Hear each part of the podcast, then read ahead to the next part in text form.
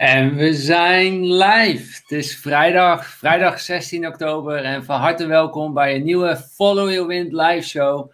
Nummertje 26 alweer. Ik moest even spieken. Ik wist niet ik was de tel even kwijtgeraakt. Maar we zitten al bij nummertje 26. Wat ongelooflijk.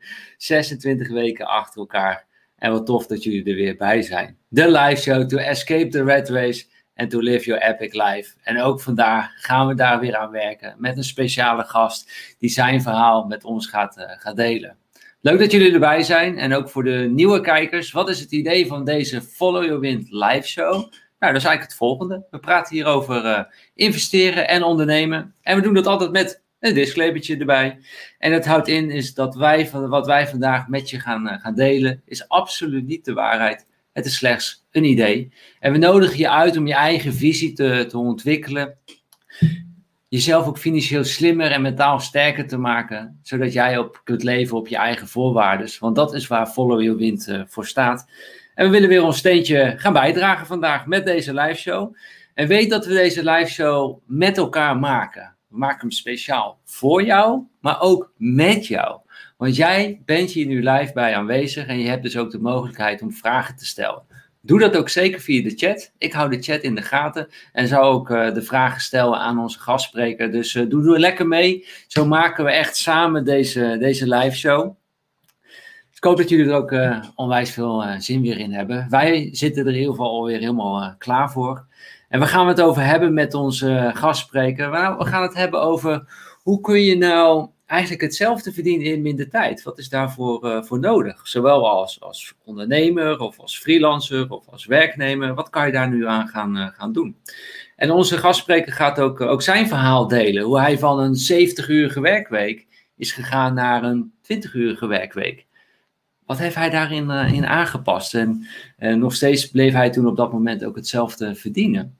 Dus daar gaan we het over hebben. Ik zal ook even onze gastspreker natuurlijk uh, introduceren. Ik ben echt heel erg trots dat hij bij ons in de, in de uitzending wil, uh, wilt komen. Hij is uh, begonnen eigenlijk als ondersteuning van, van Sonja Bakker.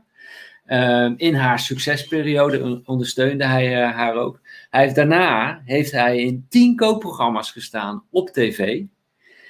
via zijn eigen uitgeverij heeft hij meer dan 500.000 boeken verkocht. 500.000, een half miljoen boeken, kookboeken verkocht. Met zijn online cursus inspireert hij uh, meer dan 25.000 uh, deelnemers. Uh, hij heeft in dit jaar zijn eigen magazine opgezet, zijn eigen glossy, gezondheids, gezond magazine. Een heel mooi vorm weergegeven magazine. En nu helpt hij ook ondernemers om zakelijk te vlammen zonder op te branden. Een heel mooi gekozen thema. Je denkt natuurlijk van wauw, wat prachtig, wat een mooi cv. Ging het hem allemaal voor de wind? Nee, absoluut niet. Het is echt met pieken en dalen gegaan. En daar gaan we het ook over hebben. We gaan het ook hebben over een periode waarin hij gewoon heel ongezond leefde. Zich ook even ongelukkig voelde. 35 kilo overgewicht had. Belandde in een burn-out. Maar het leven heeft twee zijdes en uh, daar heb je ook zeker wel invloed op. Dus daar gaan we het over hebben. Ik hoop dat jullie er heel veel zin in hebben. Geef hem een groot applaus, onze gastspreker van vandaag. En jullie weten hoe je dat kunt doen. Dat kun je natuurlijk doen via dat duimpje onder die video. Dus geef even dat duimpje omhoog als applaus onder deze video. Uh, abonneer je natuurlijk ook even op dit kanaal. Klik op dat belletje, zodat je notificaties uh, ontvangt. En als we dat met z'n allen doen, dan komt hij on, in onze live show. En dan hebben we het natuurlijk over Matthijs Vriezen. Hola! Wat een introductie, Stijn. Geweldig. Nou, graag gedaan, uh, Matthijs. En ik vind het onwijs tof dat je even tijd voor ons vrijmaakt en uh, in deze live show uh, bent. Ik zat. Met veel plezier ik zat van tevoren even te denken, want ik ben uh, de afgelopen week heb ik ook met Nicole uh, op Netflix heb ik de Social Dilemma uh, zijn we aan het kijken. We hebben nog niet helemaal afgekeken, maar dat gaat het eigenlijk ook over de mensen die hebben gewerkt aan social media, aan een Facebook, aan een Instagram, aan een YouTube. En die vertellen in die Netflix-serie van, ja, eigenlijk was onze insteek om mensen zo verslaafd mogelijk te maken aan het platform aan, aan zo, zoveel mogelijk minuten dat je op dat platform zit, want dat is goed voor de adverteerders. En in, in die zin denk ik ook dat het heel verslavingwekkend is, sociale media. En dat er ook zeker veel nadelen aan kleven. En dat we daar ons ook heel goed bewust van moeten zijn. Maar anderzijds denk ik van ja, er ontstaan ook hele mooie vriendschappen. En dat is eigenlijk hoe onze vriendschap is ontstaan. Want wij, ontvolgen, eh, wij volgen elkaar al, al jaren online. Ja. En hebben elkaar pas vorige week voor het eerst gesproken. Ja, bizar hè? En, en, we hebben het gevoel alsof we al elkaar al jaren kennen en veel gedeelde passies hebben. En dan denk ik, ja, dat is toch ook wel weer de kracht van sociale media. Dat mag ook wel eens benoemd worden, toch? Ja, het, het heeft twee, eh, twee delen inderdaad, wat je zegt. Maar het is leuk, want uh, ja, het is grappig als je elkaar zo lang volgt, dat je dan toch, als je elkaar spreekt, het gevoel hebt dat je elkaar al heel lang kent. En dat is eigenlijk natuurlijk ook wel zo. Maar dat heeft gewoon, denk ik, ook wel te maken met uh, gemeenschappelijke interesses en zo. Dus, uh... Ja, nou, absoluut. Kijk, we houden volgens mij alle twee van lekker eten. We houden van, van reizen. We houden van avontuur. We houden van de natuur. We houden van leven op onze eigen voorwaarden. We proberen het leven in te richten op onze eigen manier. Af en toe zijn we van die afwijkers, gaan we tegen de massa in. Ja, er zijn heel veel raakvlakken volgens mij. Inderdaad. Ja, ja. goud. Ja, waar, waar is jouw, jouw passie voor, voor eten eigenlijk vandaan gekomen? Jeetje, weet je, het is gewoon heel simpel. Als kind vond ik eten gewoon echt verschrikkelijk lekker. En uh, mijn ouders waren niet de, de beste mensen in de keuken. Althans, uh, het, het, was te eten hoor, daar niet van. Maar ik had wel het gevoel van, ah, het kan lekkerder. En je kan er zoveel mee creëren. En uh, dat vond ik als kind altijd al leuk. Om gewoon lekker een beetje te, te spelen met smaken in de keuken. En ja, als je daar dan je beroep van kunt maken, dan uh, is dat alleen maar leuk natuurlijk. Maar had je dat altijd zoiets van, ik ga hier mijn beroep van maken? Of is dat je meer overkomen? Nou, dat, Kijk, als, als kind moet je op een gegeven moment een keuze maken wat je gaat doen. En dat, dat is op, op jonge leeftijd hartstikke moeilijk. Want ik wist toen het nog helemaal niet zo goed wat ik wilde en, en, waar ik naartoe wilde met mijn leven. Dus dan ga je doen wat het meest voor de hand ligt. En dat was uh, het koken. Uh, en ik, vond, ik heb het altijd heel erg leuk gevonden. Maar ik heb uiteindelijk ook wel ontdekt dat dat niet iets was uh, wat ik uh, tot, mijn, tot mijn pensioen zou willen doen. In de horeca werken, in een restaurantkeuken. Dat, de praktijk was toch heel anders dan dat ik vooraf had kunnen bedenken. Want ik dacht in mijn naïviteit van, oh lekker, dan ga ik een beetje koken en met smaken spelen. Maar in de praktijk in restaurants is het stresslevel heel erg hoog. En voor je het weet sta je 14 uur per dag uh, op je benen. En wordt ook nog gevraagd of je de zesde dag van de week ook nog even komt, uh, komt bijspringen. Ja. ja, dat is wel de andere kant van de medaille als, uh, als mm. chef-kok werken in, een in een restaurant. Dus als ik het goed begrijp, ben jij dus uiteindelijk, je, je, je had een liefde voor eten. Ben je een koksopleiding ook gaan doen? Ja, ja, ik heb ja, twee jaar vooropleiding en dan twee jaar kok, twee jaar chef-kok. Ja, dus het is al zes jaar opleiding gedaan. En met heel veel plezier hoor. Ja, en, maar had je toen nog niet door van ja, als ik chefkok ga worden, dat is wel, ja, is wel 14 uur op mijn poten staan als het ware in die, in die keuken.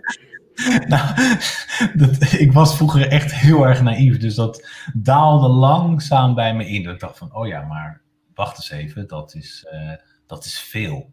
Weet je, maar ik, vond, ik heb het altijd leuk gevonden. En ik, het is helemaal niet erg om hard te werken. Als het is wat je heel erg leuk vindt, ja. Trekt dat je er wel doorheen.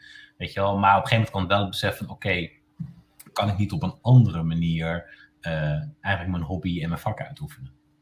Ja. En dat ben ik gaan Ja, en hoe, is dat, hoe, is die, hoe heb je die eerste slag uh, gemaakt? Want, want de, de, titel is natuurlijk ook, hoe ga je van een 70-urige werkweek naar een 20-urige werkweek? Ja. Jij, was, jij was die chefkok. Jij, jij was daar 70 uur aan het werken, gewoon in, in de keuken, in een restaurant. Ja. Was je in dienst of was je al freelancer? Ik, ik ben begonnen in vaste dienst en op een gegeven moment ontdekte ik van ja, maar wacht eens even, als ik nu me ga inschrijven uh, als freelancer, dan kan ik zelf bepalen wanneer ik werk en ook bij verschillende restaurants werken, zodat je wat meer variatie krijgt in je week. Dus dat heb ik gedaan, eh, een beetje verhuurd als chef voor a day. Uh, want chefkok is natuurlijk altijd wel eens een dag vrij in een restaurant en ik viel dan eigenlijk voor de chef in. En dat was een goud concept, want daardoor kon ik destijds op mijn twintigste, dus nu twintig jaar geleden, kon ik van inderdaad die zes dagen in de week werken naar, uh, nou, ik ging eigenlijk naar vier dagen, maar ik had eigenlijk ook twee dagen kunnen werken.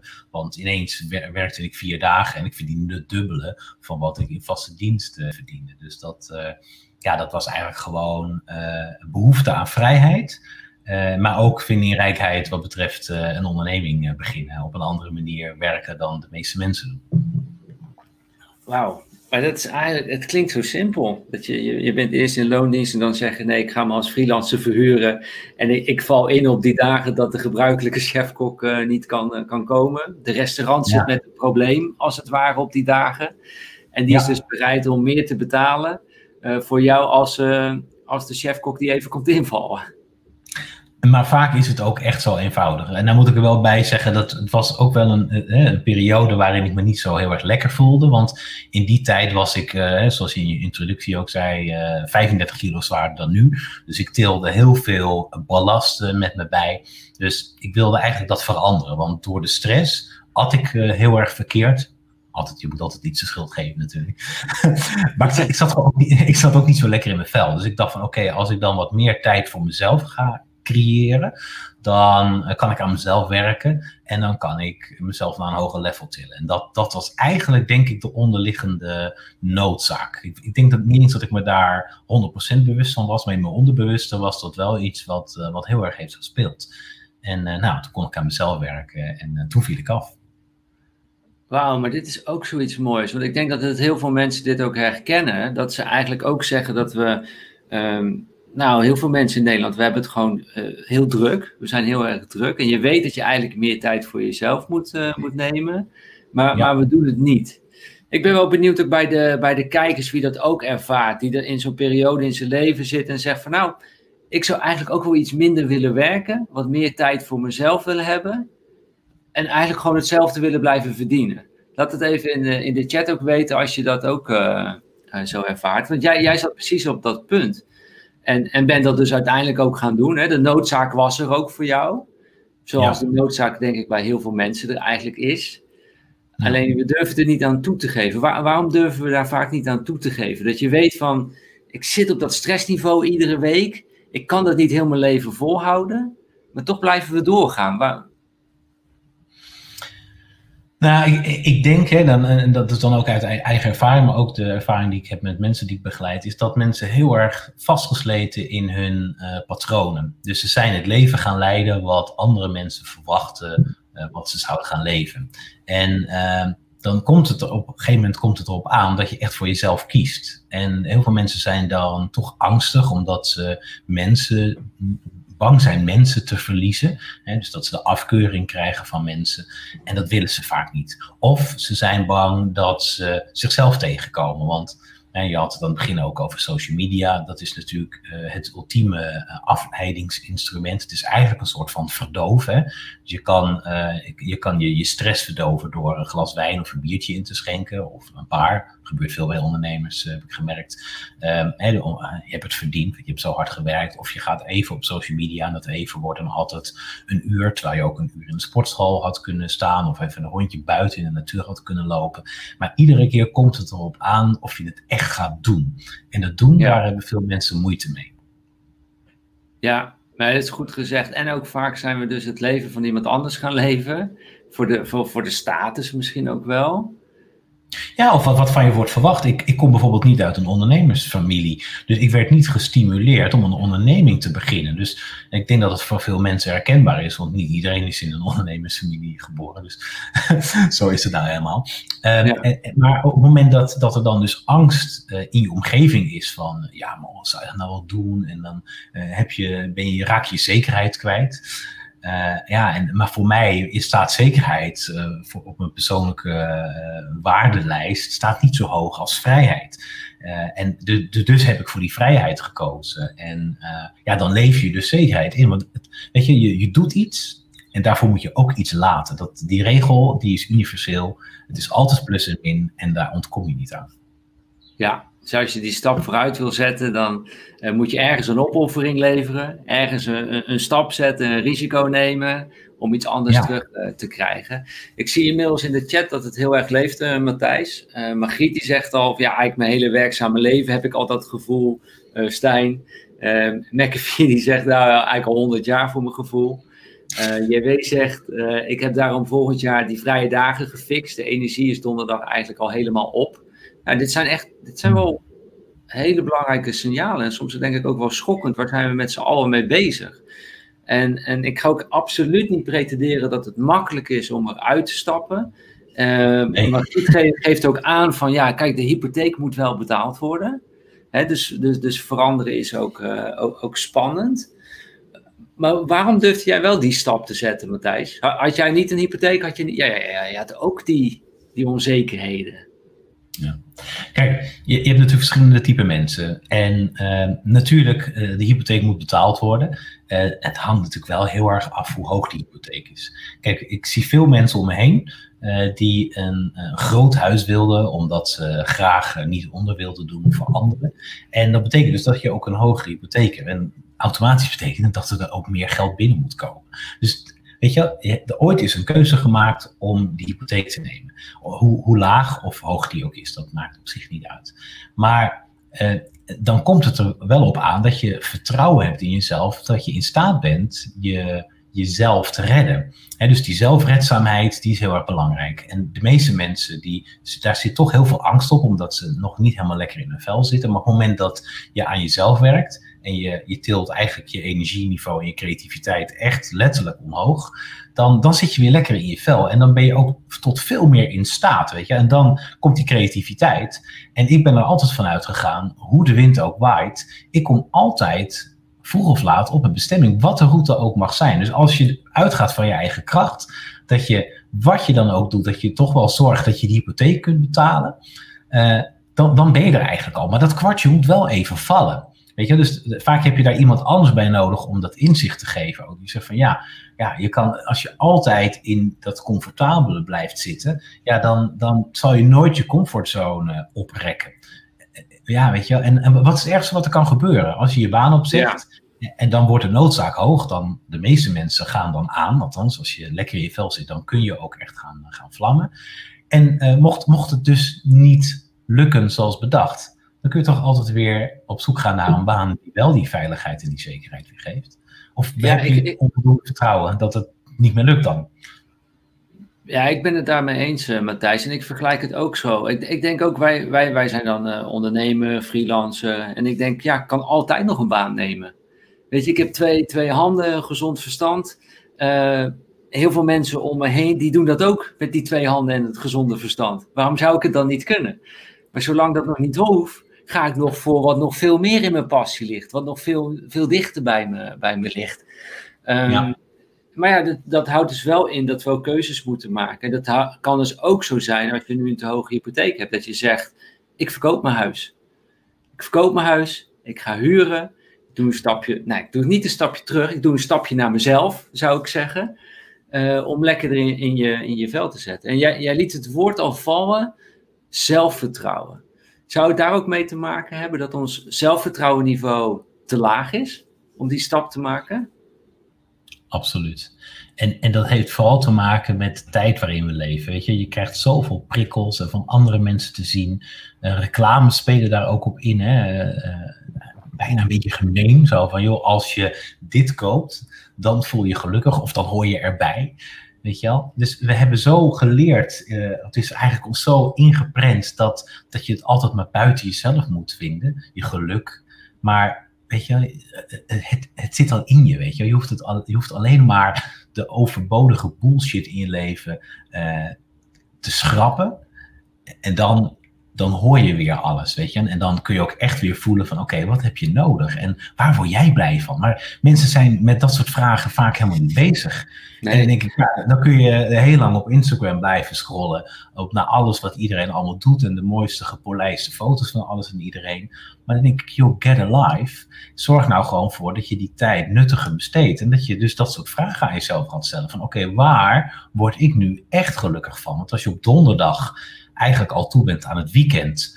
En zaterdag al tegenop ziet om maandag weer naar je werkgever te gaan. Ik, ik heb dat soort uh, ondernemers, uh, althans mensen die nu ondernemers zijn geworden, of 50% uh, ondernemers. En die, die begeleid ik. Hè. Die zeggen van ja, ik, ik, ik, ik, ik werk nog twee dagen in de week voor een werkgever. Maar ja, ik, ik, ik merk gewoon zondag al dat ik er tegenop zie om die maandag en die dinsdag voor die werkgever te werken. En dan denk ik, oh, dat is echt, dat is echt zo zonde. En als je dat kunt loslaten en het, echt het zelfvertrouwen kunt creëren bij jezelf en wat minder kijkt naar anderen, uh, ja, dan, dan ontstaat er uh, magie.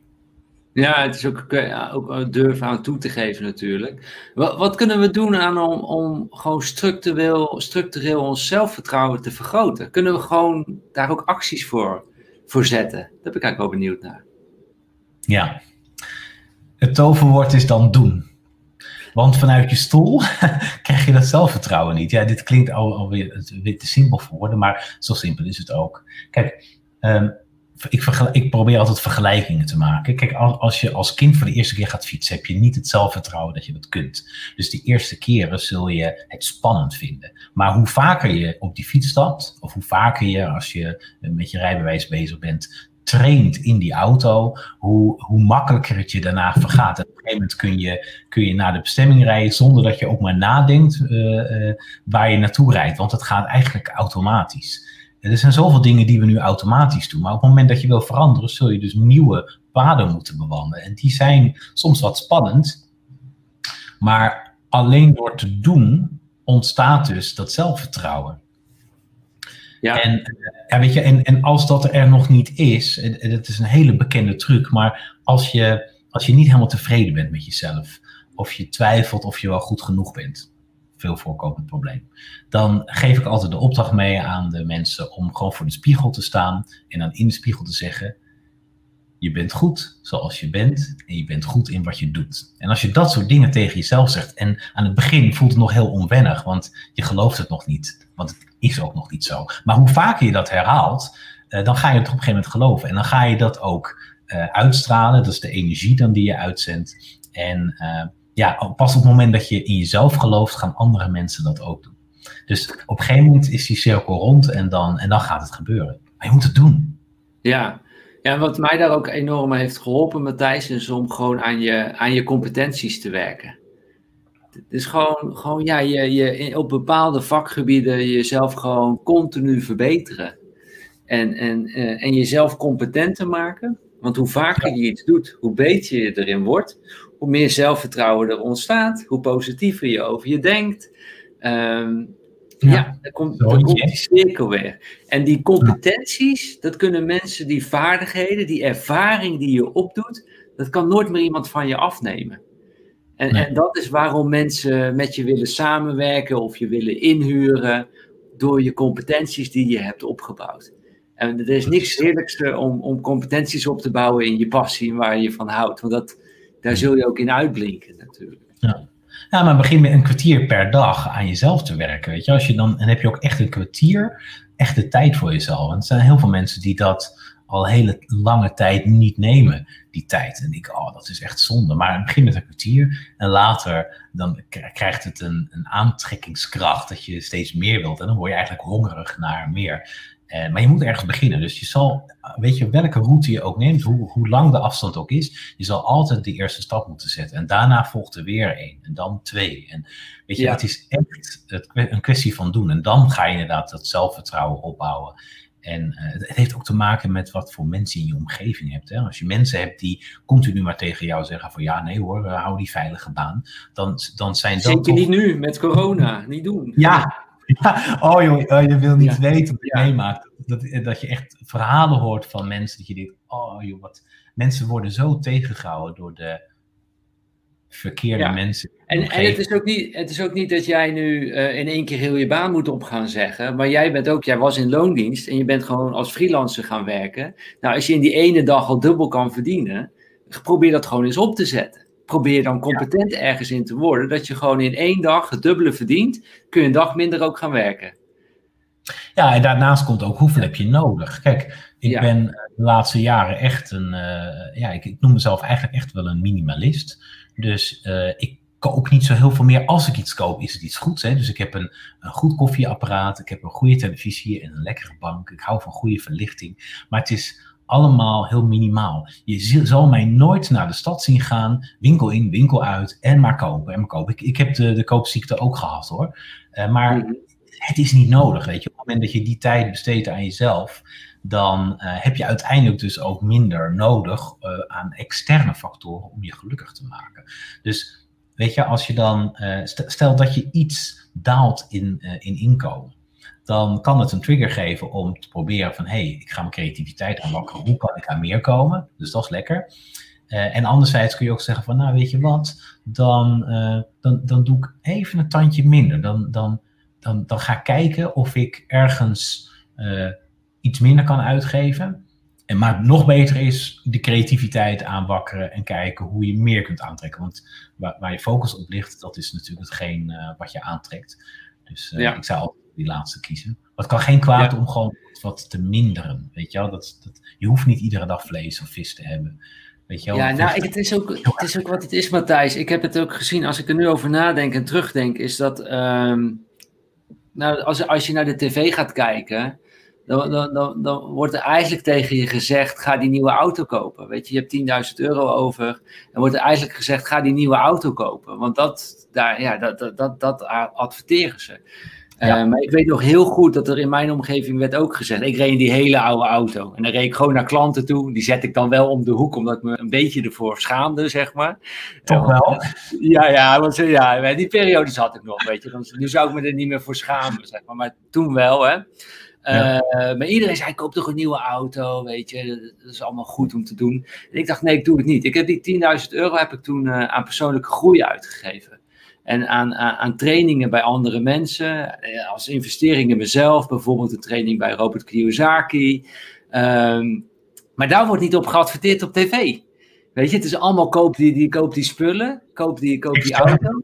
Maar ga nou die 10.000 euro in je, in je persoonlijke groei uh, investeren in je competenties om ergens beter in te worden, om als fotograaf beter te worden, als video-editor beter te worden.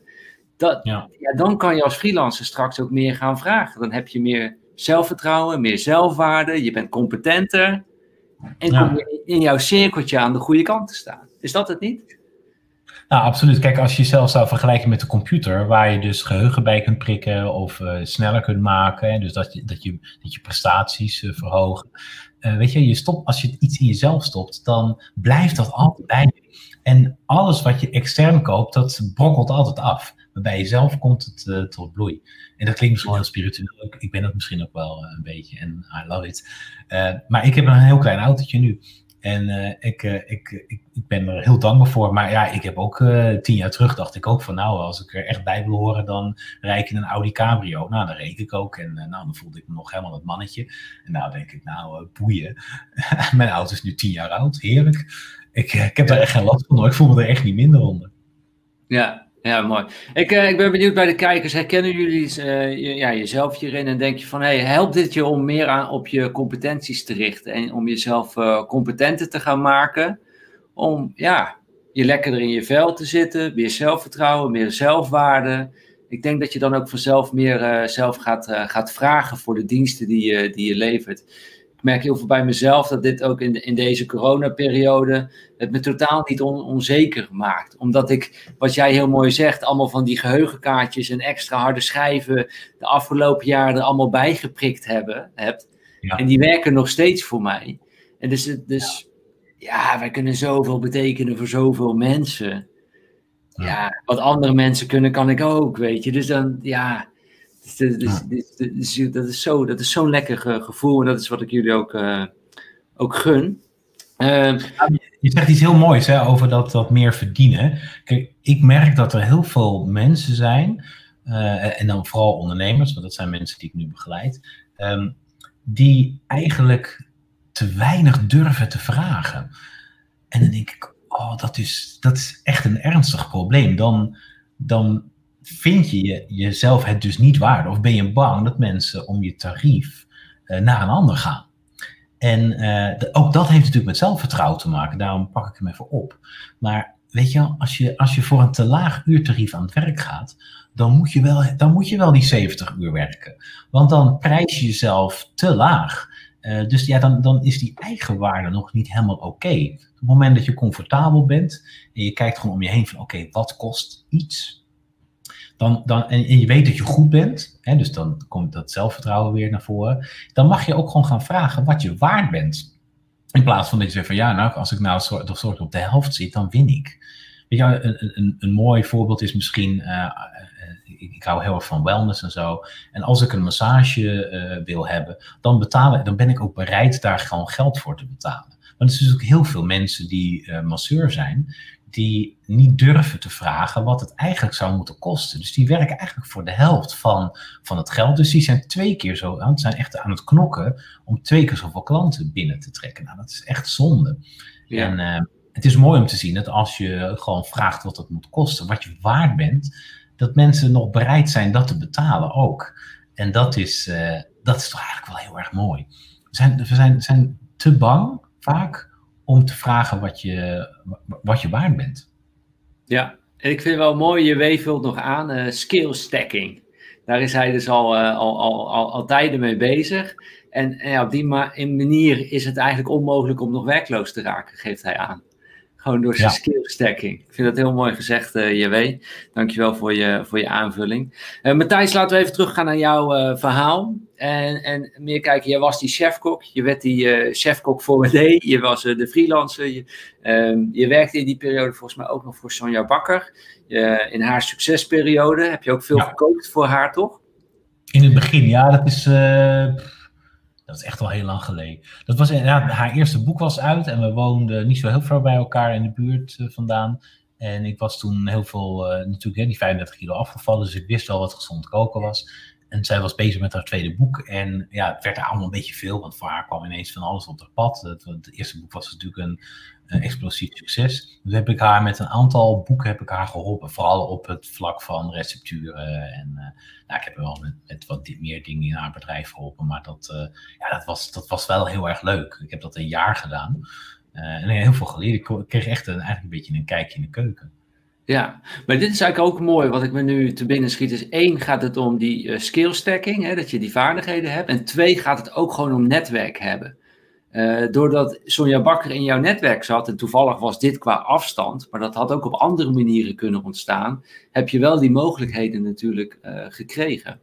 Ik heb haar echt bewust opgezocht hoor. Ik wist dat zij een ah. lezing gaf. En toen dacht ik, oh, ik ga daar naartoe. En ik heb gewoon actief mijn dienst aangeboden aan haar. Ik heb gewoon gezegd van, joh, ik ben chefkok. Uh, ik, ik, ben, ik heb een eigen bedrijf. Ik schrijf ook recepturen, want ik maak ook menukaarten voor restaurants en zo. En nou, daar kwam nog veel meer bij. Dan heb ik gewoon actief gezegd tegen haar van, joh, mocht je iemand nodig hebben met verstand van zaken... Uh, kan, me, kan me voorstellen dat je in deze drukke periode wel een rechterhand kan gebruiken.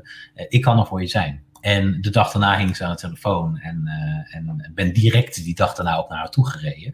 Uh, en dat is natuurlijk ook het lekkere als je die vrijheid hebt, hè, dat je zelf kan bepalen wanneer je ergens naartoe gaat. Ja. Dan, uh, dan kun je ook op dat moment scoren.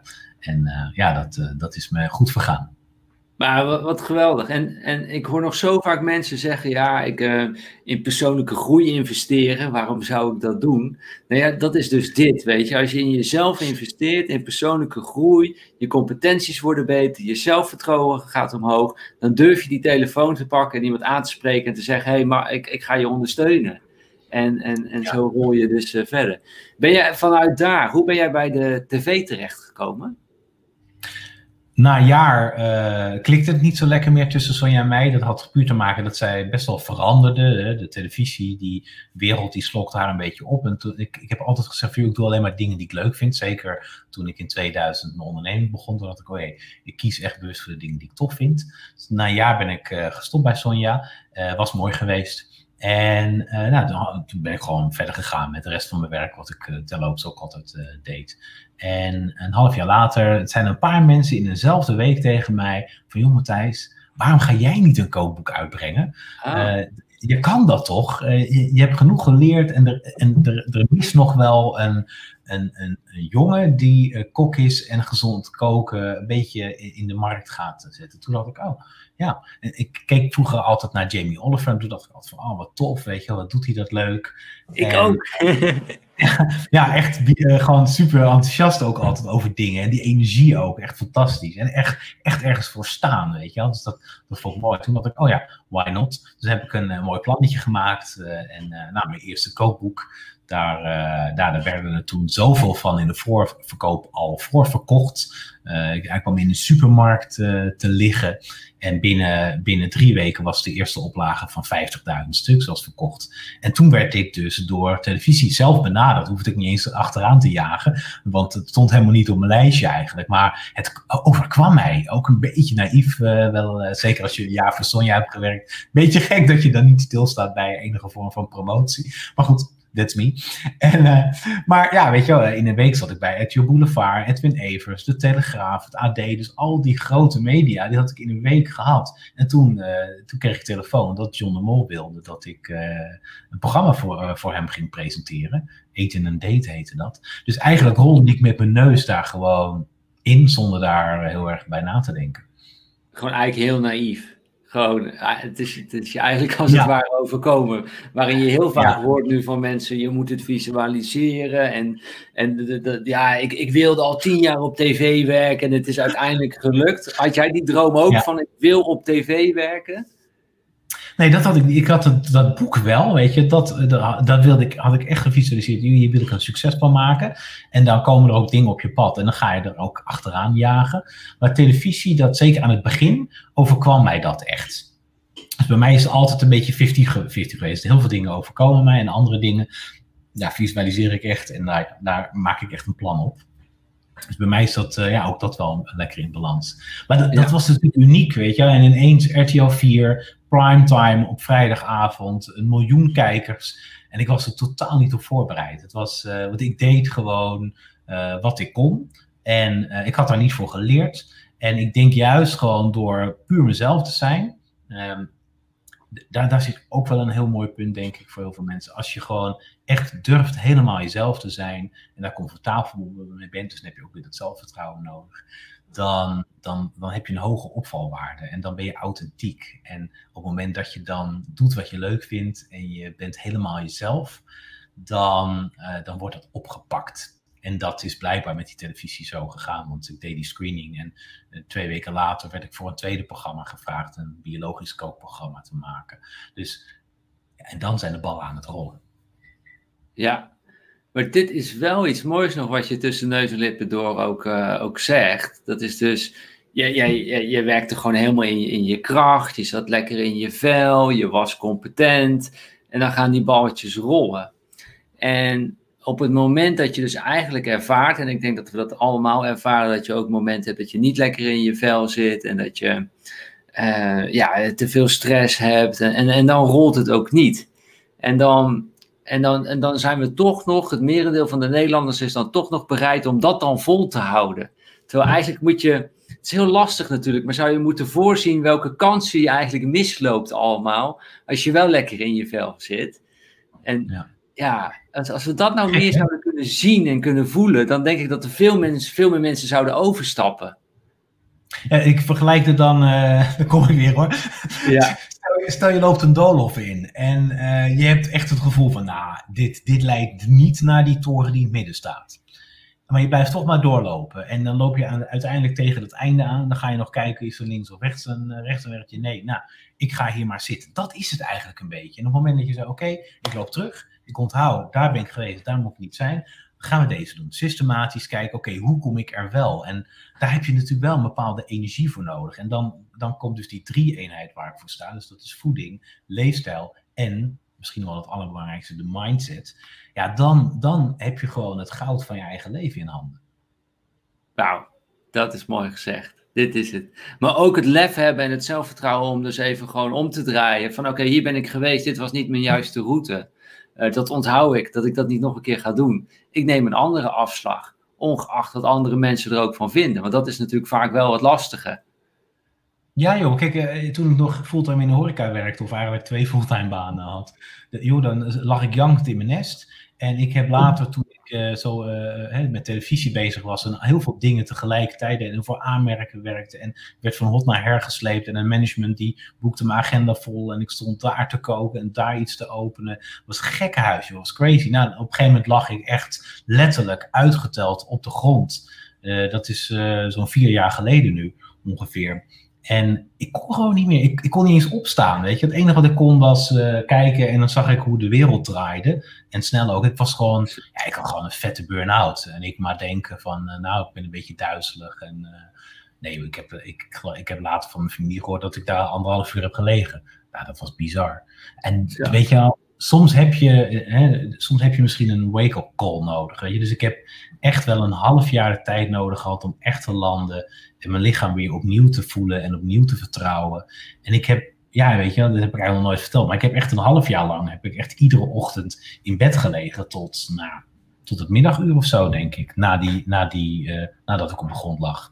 En, uh, maar terwijl voor de buitenperiode was dat jouw succesvolste periode? Want Matthijs die was op tv.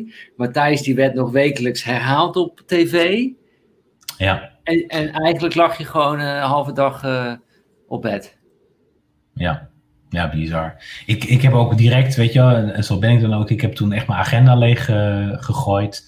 Want ik kon, ik kon, Stijn, ik kon gewoon echt niks, weet je wel. Dus nee. op het moment, en ik, dus ik heb daar natuurlijk zo ontzettend veel van geleerd ook, dat op het moment dat je te veel over je eigen grens gaat en te veel dingen doet die tegen je natuur indruisen. Weet je, en dat, dat voel je hier, weet je wel. Dus dat, en dat beknelt je ook, dat maakt je benauwd. Uh, um, weet je wel, dus op het moment dat je dat te lang, eigenlijk de, de signalen die je van je lichaam krijgt, als je die te lang negeert, ja, dan komt op een gegeven moment de, de noodrem. En ja, als je die dan ook nog eens een keer negeert, nou dan uh, koekoek. dus ik dacht van, uh, oké, okay, agenda leeg. En ik heb er gewoon aan toegegeven. Het zijn mensen die dan echt gaan vechten, weet je wel, echt knokken. Van oké, okay, ja, ik wil weer morgen weer op de, de planken staan. Mm -hmm. Ik heb de tijd genomen en uh, ik heb mezelf echt herontdekt een paar jaar geleden. En ben een heel ander mens geworden en ben ja. er echt super blij mee. Moet je wel wat voor doen. Ja, dat gaat niet vanzelf. Je hebt daar weer keuzes in gemaakt. Hè? Terwijl je ja. natuurlijk, ja, je was tv-kok, je was op tv, uh, je werd goed betaald. Natuurlijk hard werken, maar je werd wel goed betaald. Uh, heb je toch weer die keuze gemaakt om iets anders te gaan, uh, gaan doen. Hoe, hoe, hoe, kijk je terug op die tv-periode? Want je, je hebt tien, tien kookprogramma's gemaakt. Soms was ja. je ook de presentator bij het programma. ja, bij Slagen tot chef was dat uh, voor RTL 4. Ja, dat is super. Hmm. Op een gegeven moment dacht ik van, joh, ik word hier niet zo blij meer van. Dus ik ben gestopt uh, met uh, kookboeken uitgeven. Ik had mijn eigen uitgeverij opgericht. Um, hè, mijn eigen reclamebureau heb ik ook namelijk. Die ont ontwierp mijn, mijn kookboeken. dus Beetje partner, hè? Met partner, ja. Dus dat, Met Niels. Ja. Niels, ja. En, en het is natuurlijk heel, heel tof als je ook samen kunt werken. En dat gaat hartstikke goed uh, al meer dan tien jaar. Dus dat is echt super. Maar op een gegeven moment dacht ik van, oké, okay, uh, die tijd is geweest, weet je wel. Het is tijd voor een nieuw hoofdstuk, weet je. Die kookboek, ik had in mijn uitgeverij had ik een compagnon zitten. Die ging met pensioen. En toen dacht ik, oké, okay, ik ga dat niet doen. Ik vind dat schrijven leuk.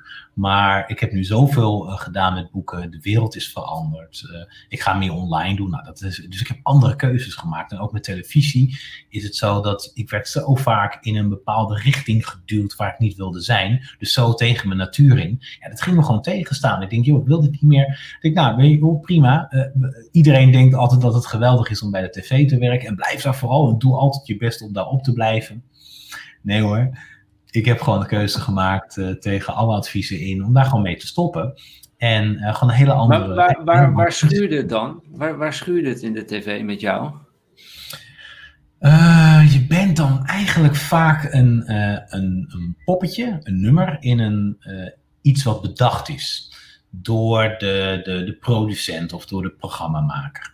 Dus wat er gebeurt is dat je wordt gevraagd van, joh, uh, een leuk voorbeeld. Uh, op een gegeven moment uh, 100% NL van het magazine, die wilde ook een tv-programma. Dus dat werd 100% tv. Dat was bij SBS6. Karin Bloem was de presentatrice en ik was de vaste kok. Dus ik kwam eigenlijk in iedere uitzending kwam ik langs. Een beetje, zo, een beetje live en cooking gevoel. Um, wat toen overigens gestopt was. Dus dat, ja, dat, dat was een bepaalde, bepaald gat wat weer opgevuld werd. Nou, dat klonk allemaal hartstikke leuk. Dus nou, dan, uh, dan stap je erin, leuk, keukentje erbij. En nou, gezellig met Karin, leuke vrouw.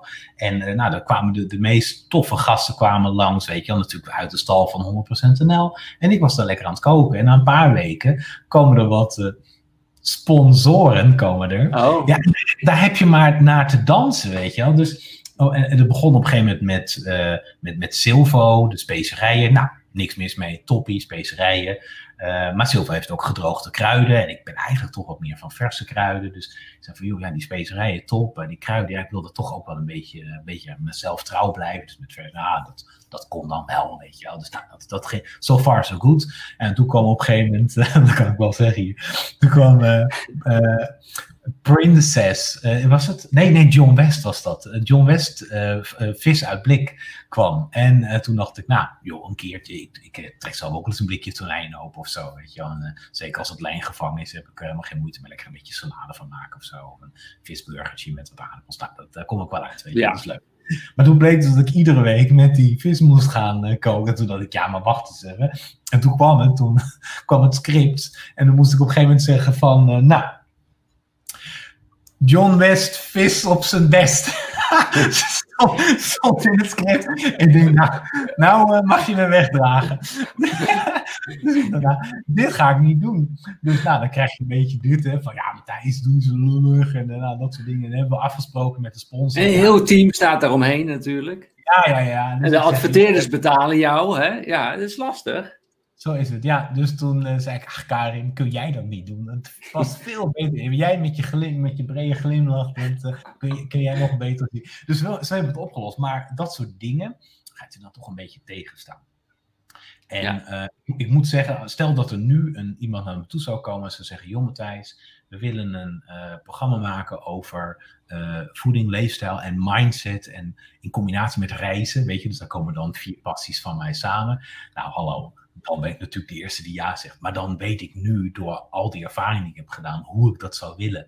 En dat ik niet zomaar in een concept me laat drukken, uh, waar ze gewoon een poppetje voor zoeken die dat, uh, die dat doet. Dus ik zou nu dan veel meer bij mezelf uh, blijven. Dus het is niet zo dat ik het volledig vaarwel heb gezet, maar ik heb gewoon, gewoon continu zeg ik nee tegen aanvragen die komen. En dat voelt eigenlijk ja. wel goed totdat die ene goede aanvraag komt en waar de juiste sponsor bij zit. Want er zijn tegenwoordig natuurlijk ook hele mooie bedrijven die helemaal aansluiten met jouw waardes.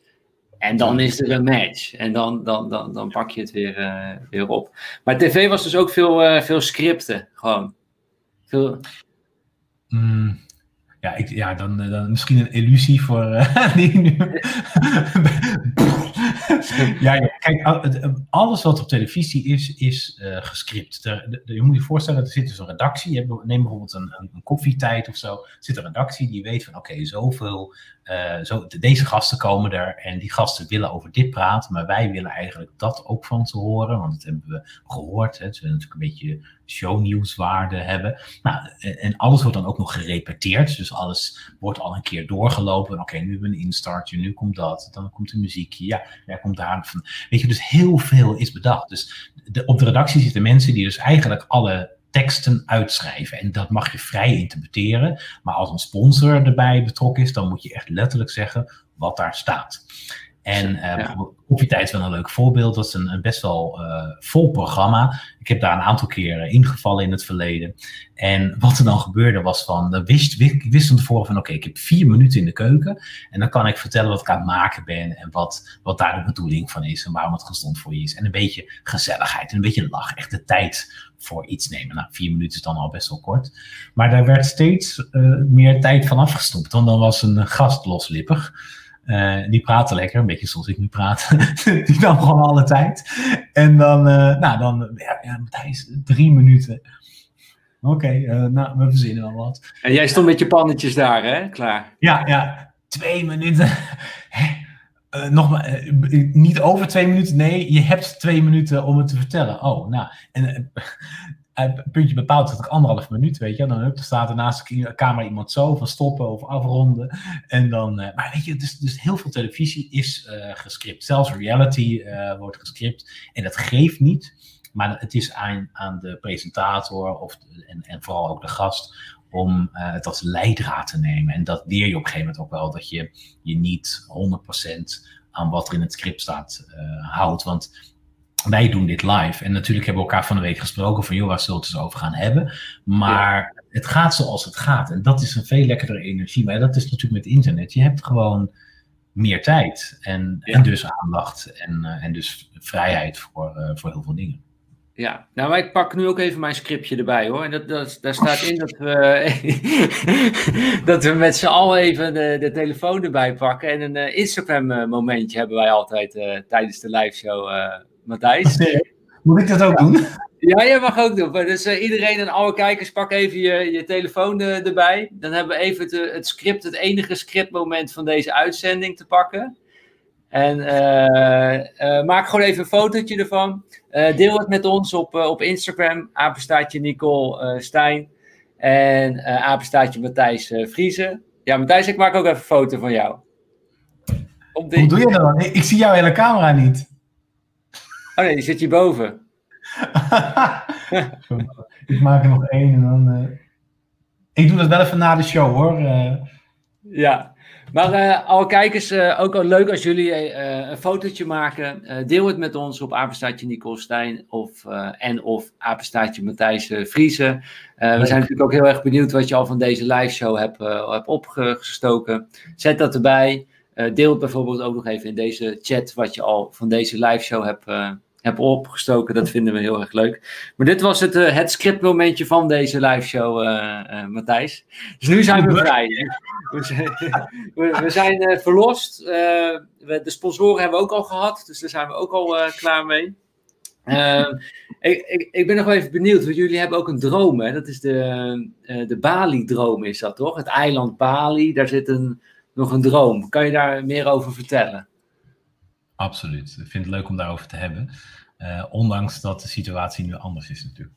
We, we houden heel erg van reizen, Stijn. Uh, dus die, die vrijheid die, hè, in werk is ook heel erg fijn als je dat door kan trekken naar het leven. En um, we vinden het gewoon heel erg mooi om andere culturen te zien. Dus we hebben best wel veel al gezien van de wereld. Vooral uh, Azië trekt ons heel erg.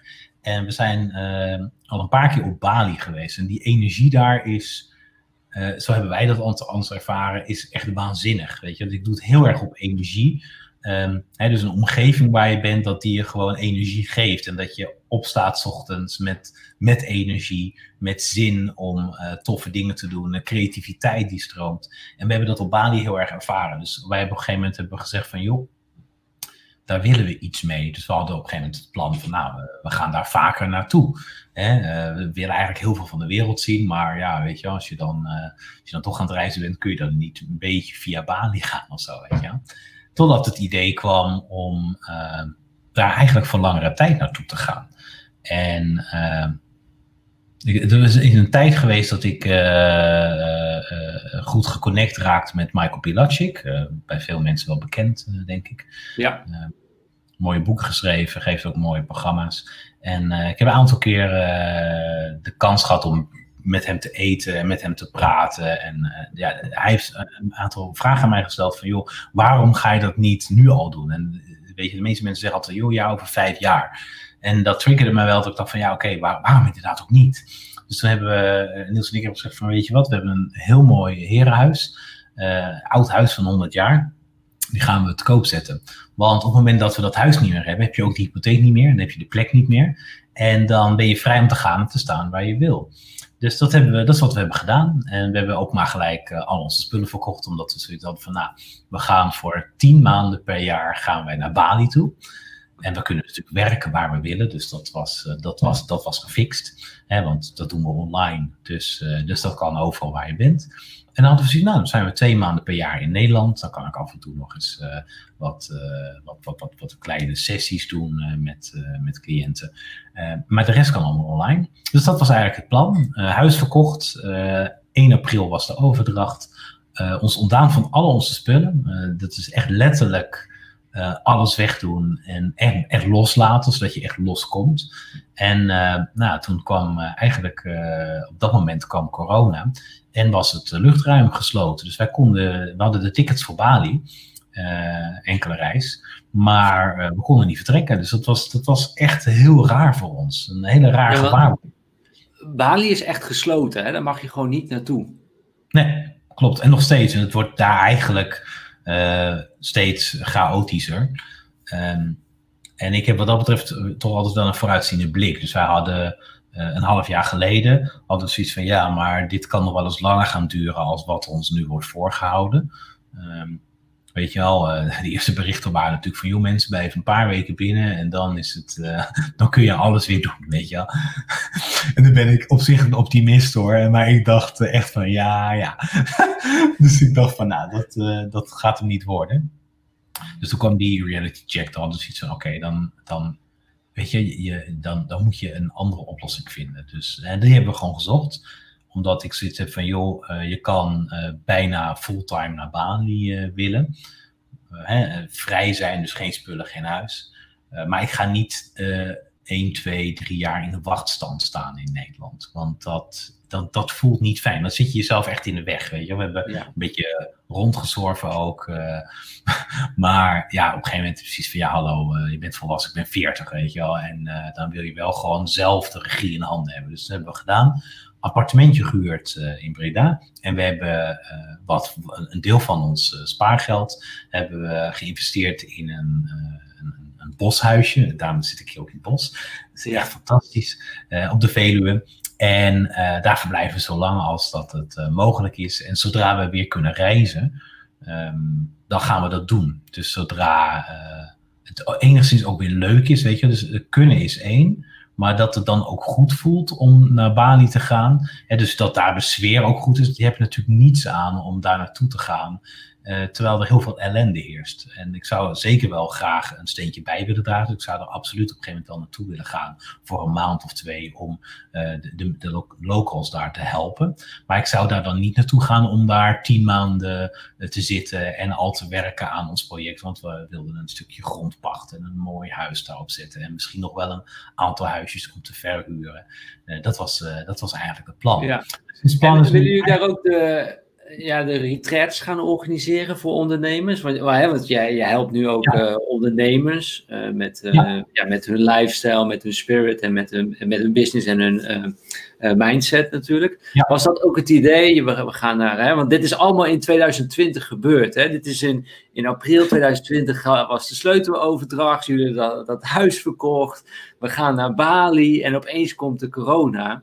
En dat, dat, dat vind ik, ik heb dat proces bij jullie ook gezien online. En, en ik raad echt iedereen aan om ook uh, Matthijs ook te volgen op, uh, op Facebook en op Instagram. Want hij schrijft daar gewoon hele mooie, open verhaaltjes over. En ook hoe jullie daarmee omgaan. Weet je, waarin de meeste mensen ja, korte metten zullen maken met corona en de schuld zullen geven aan corona. Gaan jullie gewoon heel anders om met tegenslag. Hoe, hoe pijn het ook doet voor jullie, weet je, dat, dat laten jullie ook zien. Het doet gewoon pijn, het is vervelend. Ja. Maar we nemen het heft in eigen handen. We maken nu een ander plan. We gaan niet zitten wachten. We, je, je, komt niet in zo'n slachtofferrol. Je blijft die winnaar voor, voor mij. Dat vind ik zo mooi. En ja. ja, daarom raad ik mensen aan om echt jullie ook te volgen. Gewoon op Facebook en op Instagram. Ja, leuk, lief. ja, kijk, ja. Uh, het is niet altijd uh, happy de peppy natuurlijk, hè.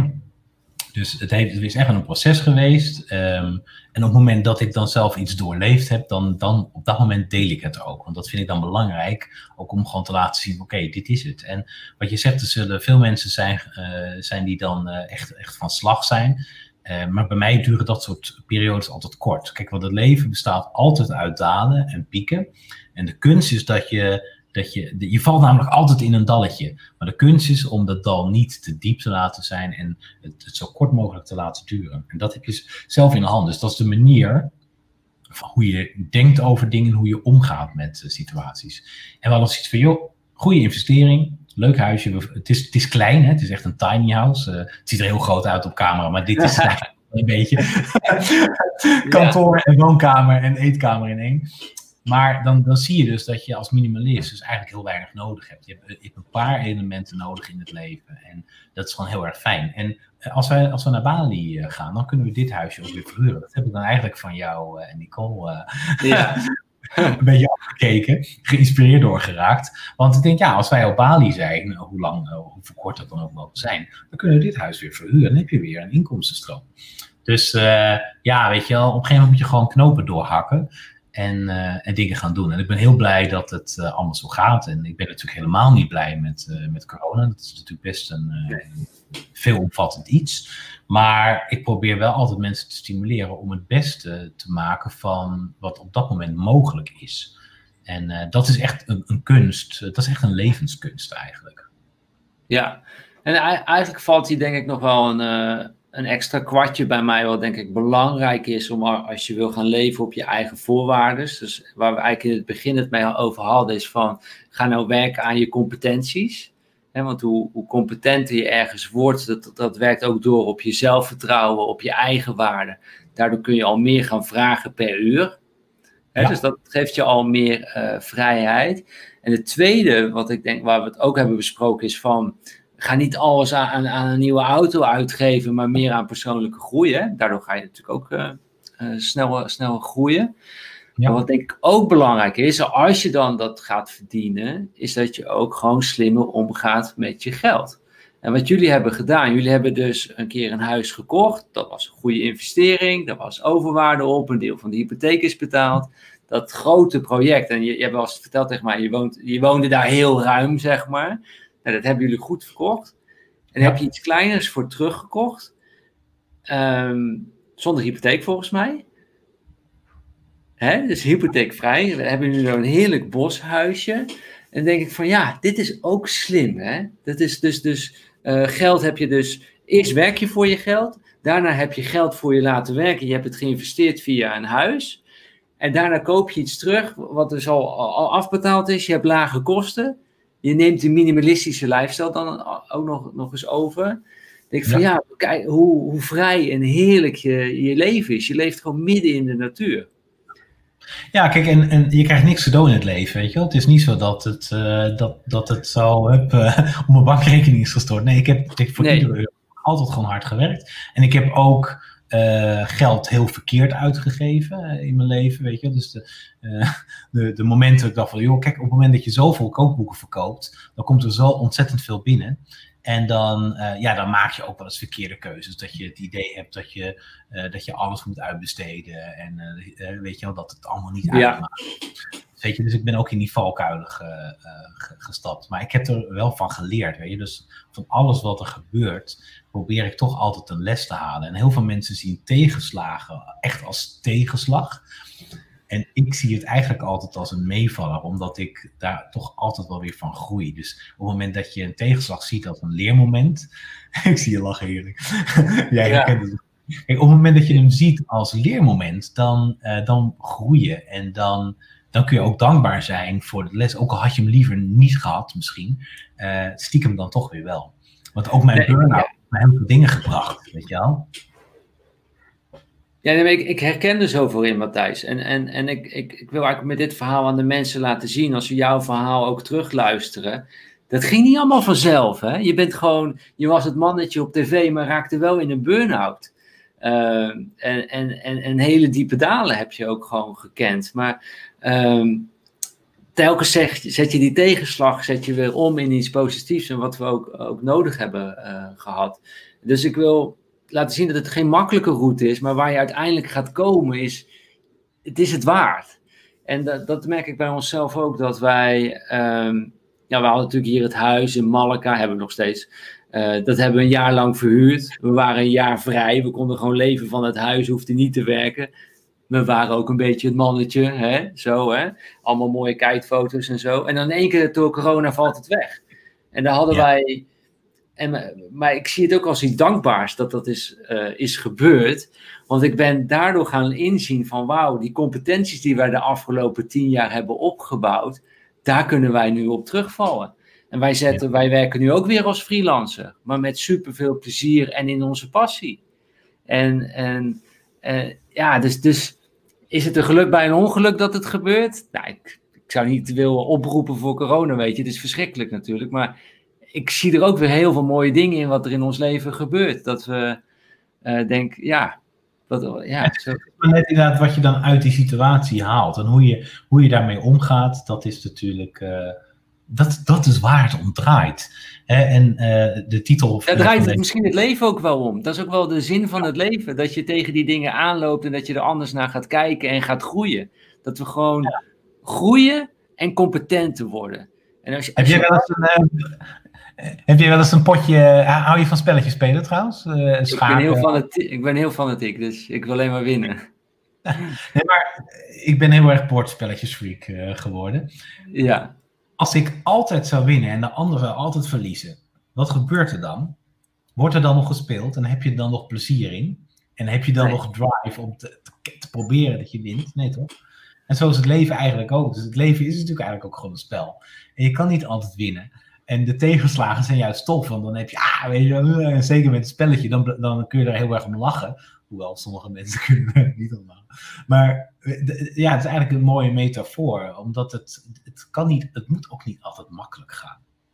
Ja, nou en ik denk dat de tegenslagen in het begin ehm, uh, zijn ze misschien nog. Nou, ik denk dat ze, ze steeds zwaarder worden wel. Maar in het begin zit er natuurlijk nog iets, eh, iets, uh, iets financieels ook in. Weet je, als je denkt, ja, ik ben niet zo competent, we hebben nog niet zoveel gegroeid. En dan krijg je die financiële tegenslagen. Dat is natuurlijk wel een hele moeilijke periode. Als je iets meer die financiële rust hebt, zoals wat jullie ook hebben. Je, je, je, je geeft niet zoveel uit, je hebt lage kosten, er komt genoeg binnen dan zijn het hele andere tegenslagen waarmee je te maken krijgt van we kunnen niet naar Bali. Uh, We kunnen daar niet de ondernemersretreats gaan doen. En dat is natuurlijk ook pijnlijk en ook, ook shit. Maar financieel weet je dat je het nog goed hebt en dat je het gewoon iedere maand gewoon nog jaren kunt uitzitten. Dat is natuurlijk wel heel lekker. Maar om daar te komen, ben je wel door heel veel shit gegaan. Hè? Laten we dat even niet, niet vergeten. En dat, dat zien de meeste mensen niet. Kijk, en ik denk dat dat heel belangrijk is om, om te, inderdaad te beseffen van oké, eh, die rust eh, die je kan creëren op het moment dat je je financiën op orde hebt gebracht. Dat is iets wat je alleen zelf kunt doen. Ja. Uh, of je loterij winnen of zo. Maar dan gaat het toch vaak fout. Um, ja. maar weet je, op het moment dat je die financiële rust hebt, ja natuurlijk, dan heb je daar geen zorgen over. Want laten we wel wezen, als je gezondheidsproblemen hebt of financiële problemen, dat, dat maakt het natuurlijk een stuk minder makkelijk, weet je wel. En uh, ja, weet je, ik heb in mijn directe omgeving heb ik ook best wel veel probleemgevallen. Uh, weet je depressies, uh, drugsverslavingen, dat soort zaken. En dat, maakt, dat maakt het natuurlijk veel en veel moeilijker. Ehm, maar uiteindelijk moet je altijd kijken van oké, hoe kan ik de volgende stap maken? Weet je, dus als, als je zegt van oké, ik, ik zit niet lekker in mijn vel en mijn voeding en mijn lezen is eigenlijk niet helemaal goed en mijn manier van denken ook niet. Dan pik je er eentje uit waarvan je zegt van ja, oké, dat is nu, uh, daar, daar gaat het nu het, het meest uh, niet lekker. En dan ga je die ga je op orde brengen. Maar dan heb je dat gedaan, dan kun je de volgende stap weer maken. En dan op een gegeven moment, die, die financiële vrijheid, die komt daarna. En op het moment dat je die weer hebt, dan ga je weer spiritueel uh, groeien. Weet je wel, dus zo, je hebt natuurlijk zo'n piramide. Uh, uiteindelijk moet je zorgen dat al die laagjes, dat je daar stuk voor stuk aan werkt. En, uh, ja, de Maslow-pyramide, hè? Ja. ja, dus dat, dus dat is eigenlijk ook mijn methode, om gewoon te kijken van oké, waar, waar gaat het mis? Weet je wel, waar is de meeste werk aan de winkel? En daar een strategie op maken van oké, dan gaan we eerst dat doen. Dus in de, in de één op één coachings die ik doe, is het ook altijd zo van oké, ik inventariseer van oké, waar sta je nu?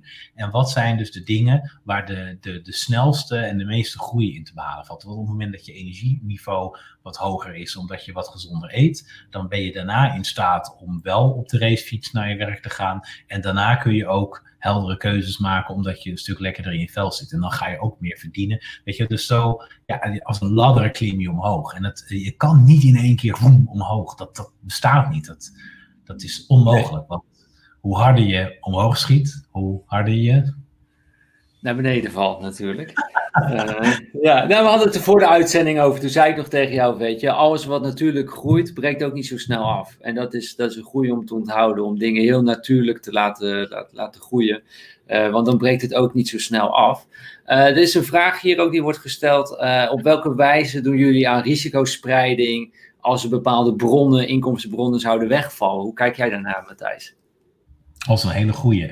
Uh, heb ik altijd gedaan. Want op het moment dat je, dat je op één paard wet, dan uh, zijn er altijd, hè, hoeveel, hoeveel racen er mee, tien of zo, uh, zijn er altijd meer die, uh, die het niet redden. Dus wat, ik heb het altijd gedaan. Dus ik heb dus mijn, ja, nee, sorry, goede vergelijking. ja, nee, maar kijk, dus ik, ik kan altijd koken, weet je wel. Dus ik, ik heb vanuit die horeca natuurlijk dat gedaan. En ik, ik, heb dus televisie gedaan, kookboeken. Ik deed boekingen op locatie. Ik, ik hielp ondernemers. weet je, dus ik had echt een online. Weet je, en nu nog steeds, weet je. Ik, ik, ik, ik help mensen heel veel online. Ik heb een aantal online programma's. Ik doe ondernemers één coachen. Uh, ik doe af en toe nog, ook wel eens in Nederland, wil ik uh, toch wel weer wat uh, retreats gaan organiseren. Dus niet op Bali, maar in Nederland. Weet je wel, ik heb, ik heb afgelopen jaar dat, dat Gezond Magazine uitgebracht. Mooi. Ja, leuk. Misschien ik, ik, zal ik er eentje toesturen, dat is wel leuk. Um, maar dus, dus dan, dan denk ik van ja, weet je wel, het is mooi om wat verschillende dingen te doen. Maar je kan het nooit allemaal tegelijk. Dus begin met de eerste en vul daarna wel wat andere dingen in. Weet je? Want je kan je, kan je, je focus niet richten op aan het begin. Hè, als je het begin van je, je groei staat, kun je niet uh, alles tegelijk doen. Dat moet je ook niet willen. Want dan kan, kan, kunnen al die ballen kunnen ook allemaal tegelijkertijd vallen. Dus uh, ja, focus eerst, weet je wel. En, dan, en als iets staat, kijk, dan kun je Zie het als een huis bouwen. Als, het, als, het, als die waterdicht is, pas dan kun je het huis erna bouwen. Anders heb je tien huizen staan zonder dak. Gaat regenen, staat alles onder water. Ja, ja, letterlijk. Ja. ja, lekker Matthijs. Goed, goed bezig. Nee, maar dit is mooi. Dus je hebt heel erg uh, je competenties uiteindelijk ook uh, gespreid. En dat is eigenlijk, je, je, ik noem dat zelf dan je arbeidinkomen. Dat is waar je altijd op terug kunt vallen. Je bent gewoon competent. Uh, dat maakt je ook, ja, dan heb je al veel minder die angst. Dat je, hè, de angst van, ja, kan ik wel overleven? Kan ik wel de hypotheek betalen? Ja, die is er gewoon ook al veel minder, omdat je competent bent. Maar als je nu een stapje verder gaat, is dat wat wij altijd proberen te doen, en ook nu weer als freelancer, is dat als enerzijds als freelancer, dat is ons arbeidinkomen, zetten we ons tijd in, verdienen we geld mee. Maar dat geld wat wij daarmee verdienen, daar eten we een beetje van, leven wij eigenlijk ook minimalistisch van. Maar de rest zetten wij opzij en investeren wij. En wij investeren dat in, zoals wij dat noemen, IPB'tjes. Ik weet niet of je wel eens van een IPB'tje hebt gehoord. Ik weet wat je ermee bedoelt, want ik weet wat je doet. ja, een inkomen producerende bezitting. dus daar, daar kijken wij heel erg uh, naar. hebben jullie dat ook gedaan? Zijn jullie dat dus verder gaan verspreiden ook naar inkomen producerende bezittingen? Of, of willen jullie dat gaan, uh, gaan doen? Nou, dat, dat zou dus dit huisje, dit boshuisje, ja. dat zou uh, op Bali gebeuren.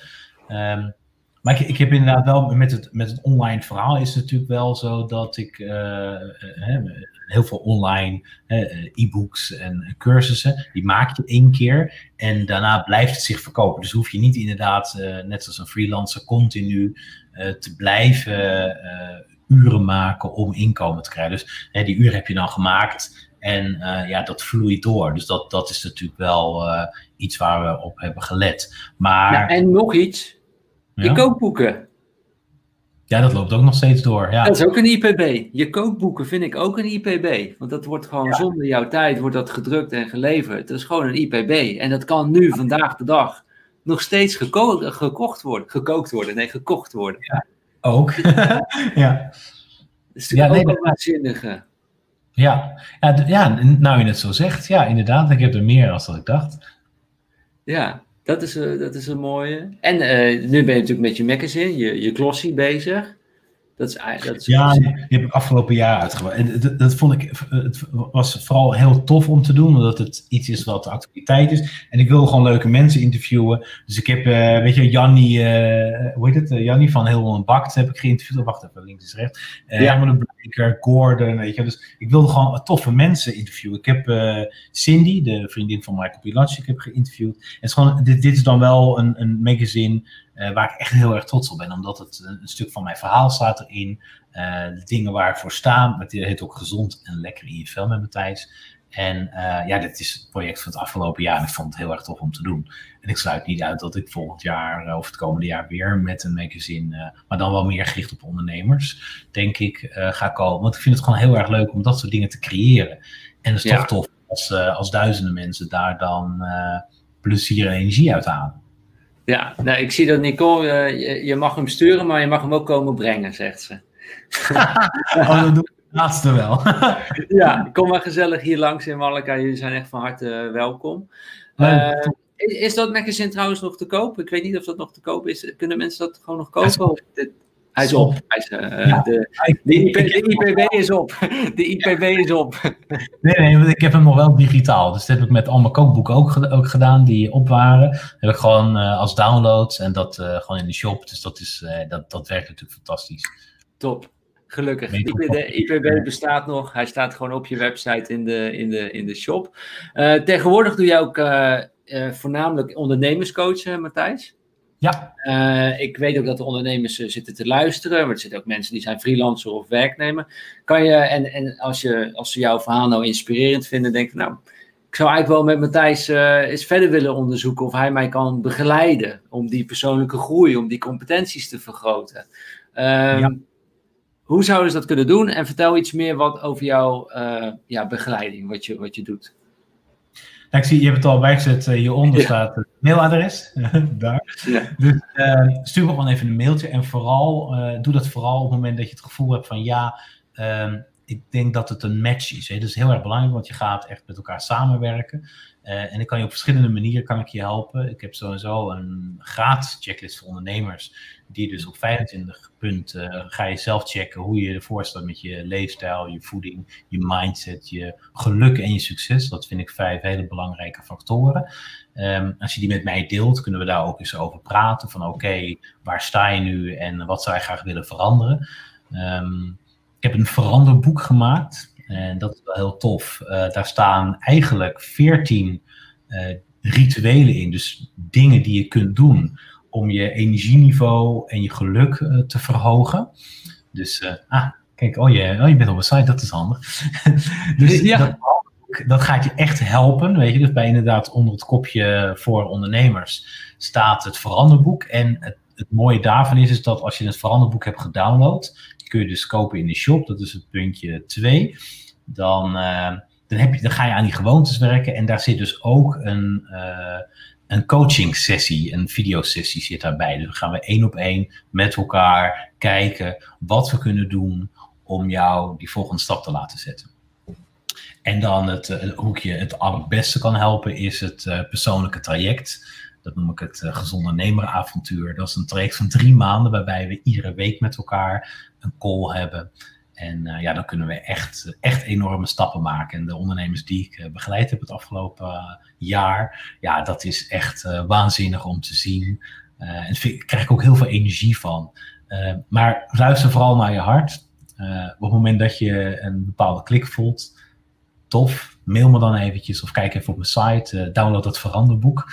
En uh, je wilde nog een cadeautje erbij geven, toch, eh, Stijn? Als dat ja, ik hou van cadeautjes. De, dat vind ik leuk in de live show. Uh, ja, wat, vertel meer over het cadeautje wat we willen geven. Het magazine digitaal, dus die krijg je er dan bij. Dus dat is echt een vol dus hoef hem niet door te bladeren, dat kan gewoon als PDF. Dus die stuur ik je dan nog uh, toe. En er staan ook tien recepten in die echt waanzinnig lekker zijn, al zeg je het zelf. Uh, dus die krijg je er dan bij. Dat is wel, wel dat vond ik wel een leuk uh, cadeautje. Ja, dus eigenlijk wat het handigste is, ga even naar de website van Matthijs toe. Uh, matthijsvriezen.nl slash ondernemers, bij het kopje ondernemers. Dan zie je meer over, je kunt gewoon een gratis checklist, kan je daar downloaden. Je hebt het veranderboek. En je hebt ook het persoonlijke traject. Uh, wil je graag gewoon met Matthijs in contact komen en onderzoeken van oké, kunnen we samenwerken? Kunnen we iets voor elkaar betekenen? Uh, stuur hem een mailtje op matthijs.matthijsvriezen.nl En nou, als er een match is, dan zullen jullie vast en zeker een, uh, even een één op één gesprek met elkaar hebben. En ga je gewoon kijken, ga je het gewoon onderzoeken wat het beste voor diegene past. Dat is hoe het werkt, toch? Zeker, absoluut. Ja, dat is het. En dan, dan als je Matthijs mailt, krijg je ook het magazine cadeau, toch? Ja, klopt. Helemaal, uh, helemaal top. JW zegt leuk, cadeautjes. Uh, JW die had ook nog gevraagd. Uh, ja, het gaat iets specifieker over voeding. Je, je bent natuurlijk ook de healthy chef, zeg maar, voor ons. Ja. enerzijds, hè, nu je bent natuurlijk ook, je helpt mensen met de life, business en spirit. Maar gezondheid is denk ik daar nog steeds ook een belangrijk onderdeel van. je, JW die vroeg zich af, uh, zelf drink ik heel veel water en thee. Ochtends lijfontbijt met veel eiwitten en s'avonds veel groente, vlees, alleen beperkt met kip. Uh, kan ik nog meer doen om meer energie uh, uit mijn dag te halen? op gebied qua voeding? Toffe vraag. Ehm, veel water drinken is goed. En je ligt ook vanzelf aan of het te veel is. Hè? Dus ik heb, het woord veel is altijd best wel heftig, omdat ik, veel mensen drinken te weinig. Dus dan adviseer ik om iets meer te drinken. Maar je hoeft niet, weet je, je hoeft niet meer dan drie liter water of zo op een dag te drinken. Um, wat ik vaak drinken zie is dat mensen, en ik doe dat tijdens zo'n live show wel, en mijn glas is nu ook leeg, dat komt omdat ik heel veel praat, dan, dan nip ik wel. Maar normaal gesproken adviseer ik mensen gewoon tussen maaltijden te drinken. Dus niet met een maaltijd. In de horeca gebeurt het vaker, je bestelt wat, wat wil te drinken. Dat is natuurlijk eh, de business. Maar het is eigenlijk niet goed om te veel te drinken bij een maaltijd. Want op het moment dat je maaltijd te veel vocht krijgt, uh, verteer je ook niet zo lekker meer. Je, je eigenlijk je maagzuur, dus wordt minder effectief. Dus dan help je eigenlijk je spijsvertering niet echt lekker. Dus drinken zou ik sowieso tussen de maaltijden doen. Ik ben niet echt een voorstander van maaltijdvervangers. Dus ik hoor jou, of ik, ik, lees bij jou dat je een maaltijdvervanger uh, neemt. Herbalife hoorde ik, hè? Ja, ja ik ben, uh, ben gewoon van het, van het pure eten. Uh, weet je, dus wat de natuur je vers geeft. Um, en er zijn heel veel, heel veel mogelijkheden. Um, dus dat is heel goed. Heel veel groenten. Er staat ook in mijn veranderboek staat ook een heel artikel over de 500 gram groenten die ik adviseer per dag. Die doen wij. 500 gram groenten per dag. Ik heb hem voor het eerst afgelopen weekend met mijn ouders gedeeld. En die, die, nou, volgens mij werden ze wel enthousiast erover. Maar waarom 500 groenten per dag? Waarom 500 gram? Gewoon, waarom zouden we daarop moeten focussen? Nou, je hoeft het niet iedere dag eh, af te wegen, maar het gaat erom dat je inzicht krijgt in dat je echt wel wat meer groente mag eten. En dat je gaat denken hoe je dat binnen zou kunnen krijgen. En die groente, dat, dat, is, dat is echt levensenergie. Dus je, lichaam doet het daar gewoon heel erg goed op. Dat, heeft, dat hebben we namelijk altijd gedaan. Maar er is natuurlijk zoveel uh, eten uit de fabriek bijgekomen en zo ontiegelijk veel vlees. Eh, veel meer dan goed voor ons is. Hè. En veel meer bewerkte producten zoals brood, hè, natuurlijk makkelijk op je werk. Maar dat is natuurlijk allemaal vermalen en in een hele andere verhouding dan dat, uh, dat, dat het eigenlijk bedoeld is. Dus op het moment dat je meer teruggaat naar de natuur en dus uh, groenten meer gaat eten en ook meer gaat waarderen en het lekkerder gaat klaarmaken, dan zul je merken dat die groente je echt een goede energie geeft. En ja, dan ga je echt vlammen. Dus ja, groente is voor, eh, voor zo ontzettend veel goed. Want je, je lichaam haalt er heel veel voedingsstoffen uit. Hè? Dus brand- en bouwstoffen. En uh, ja, dat heb je als mens gewoon nodig. En, uh, ja, maar da daardoor, da daardoor, Matthijs, is het zo bizar. Als je er eigenlijk goed over nadenkt, is dat wij pas, de meeste mensen eten pas groente bij de avondmaaltijd, bij het diner. Ja, en, jammer. ja, ontbijt is tegenwoordig voor mensen dan een, een yoghurtje met, uh, met, met krusli of noten. Dan een boterham met kaas nog steeds, toch die boterham. En dan s'avonds pas uh, de groenten. En wij, ja, wij, wij, starten met groenten. Wij, wij, wij, eten gewoon al, de eerste maaltijd die wij eten is gewoon met groenten. Alle hoofdmaaltijden bevat die groenten. Ja, lekker hè? Ja, en dan als je zo al goed begint met groenten, heb je veel minder snijdrang, heb je veel minder trek, voelt veel meer die energie. Ja, je, zit veel lekkerder in je vel. Absoluut. Ja, groente, hè? Dus niet over fruit hebben het, hè? groente hebben we het over. Ja. Kijk, een stukje fruit is prima, maar heel veel mensen zeggen, oh ja, ik eet fruit, dus ik hoef geen groente te eten. Maar zo werkt het niet. Want fruit zit uh, suikers in en op zich een beetje suiker voor je lichaam is echt niet erg. Maar je hoeft dat niet te overdrijven, weet je. En, en er zijn zoveel groenten die je zo ontzettend lekker kunt klaarmaken. En, en als, je, als je dat dan leest, 500 gram, en je denkt, oh my god, ik heb, uh, de, de gemiddelde Nederlander zit op 125 gram groente per dag. Hè? Dus dat is dan drie keer zoveel. Mensen denken, ik krijg het niet weg.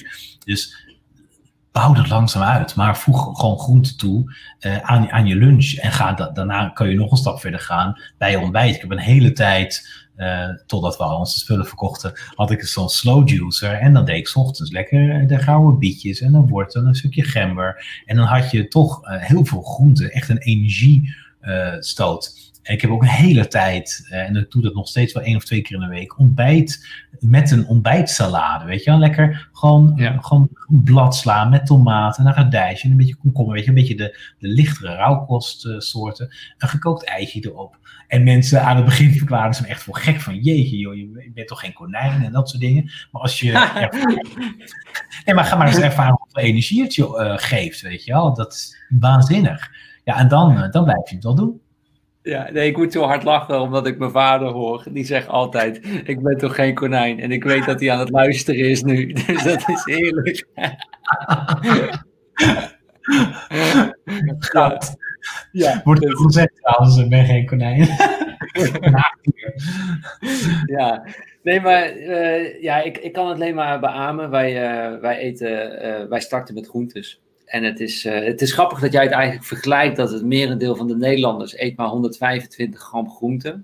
Wij ja. eten dan 500 gram groente. We wegen dat niet iedere dag af, maar we hebben gewoon focus op groente, groente, groente. Uh, ja. En ik hou van hele lekkere sausjes. Dus gewoon lekker met een beetje kokosmelk, currykruiden. Uh, heerlijk, weet je. Dan, zo ben ik groente gaan eten door een sausje eroverheen te gaan doen. Uh, maar ja, het punt wat ik wilde maken is dus, we hebben het over competenties gehad en jezelf competenter en laten groeien. Nou, vaak uh, word je ook vergeleken natuurlijk met iemand anders, hoe competent diegene is. En dus als je weet dat die ander maar 125 gram groente eet per dag, terwijl we dat, je hebt met 500 gram heb je zoveel meer energie, zoveel meer kansen. Dan vergroot, dat is gewoon wat, iets wat iedereen kan doen. In welke situatie die nu ook, ook zit, kan die gewoon 500 gram groente gaan eten. Dan heb je al zo'n voorsprong op je omgeving. Is ja. ongelooflijk. En, en, en, en, ik wil er wel bij zeggen dat veel mensen altijd denken dat gezond eten duurder is, maar dat is echt complete bullshit. Want uh, ga maar eens kijken, weet je, ga naar de groenteboer. Hè? En ga dan eens kijken wat een kilo verse rode bieten kosten. Of wortelen, of knolselderij. Weet je wel, paddenstoelen, champignons, noem maar op. Het ligt er allemaal. Het is veel en veel goedkoper dan dat de meeste mensen denken. Ja, zo'n klein zakje rauwkostsalade bij de supermarkt, ja, die gaat acht keer over de kop. Maar op het moment dat je gewoon zelf je spulletjes vers haalt, blijft het ook langer goed. Zitten er veel meer vitamine in, veel meer levenskracht en energie geeft het je dan. En dan, dan kun je echt voor een paar euro per dag, kun je al zoveel energie in je lichaam stoppen. Dan, uh, ja, goedkoper ja. kan eigenlijk niet. Nee, maar kijk, dat zijn de euroknallers. De euroknallers, die liggen bij de groenteboer. En het wordt hier ook al uh, uh, gezegd, dat de JW zegt ook een broccoli is nog geen euro. Heb je een kilo broccoli? Gewoon. en eet de stronk ook op trouwens van de broccoli. Wat, oh, de stronk ook opeten. Oh, dat is ook een goeie. Ja, hoef je niet weg te gooien. Klein beetje het buitenste schilletje eraf halen en het onderste stukje, want dat is een beetje taai. Maar de rest, eigenlijk, de, de stronk van de broccoli is nog lekkerder dan de roosjes. Oh ja, oh, wat mooi. Maar, maar, dit is ook mindset, hè? dat het gewoon, de, de groentes zijn de euroknallers, is veel goedkoper dan vlees en vis.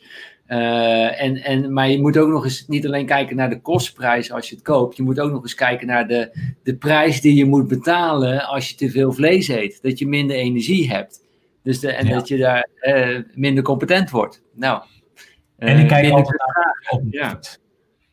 Ja, dus als je naar wat het je oplevert, is het sowieso beter. Maar die, uh, die euroknallers op de groenteafdeling, daar ga ik morgen een social media post over maken. Dankjewel Stijn, ik pik hem even van je. Ja, je mag, je mag hem lenen. Dat is helemaal, uh, helemaal goed. Dat zijn de euroknallers. Daar moeten we met z'n allen op, uh, op focussen.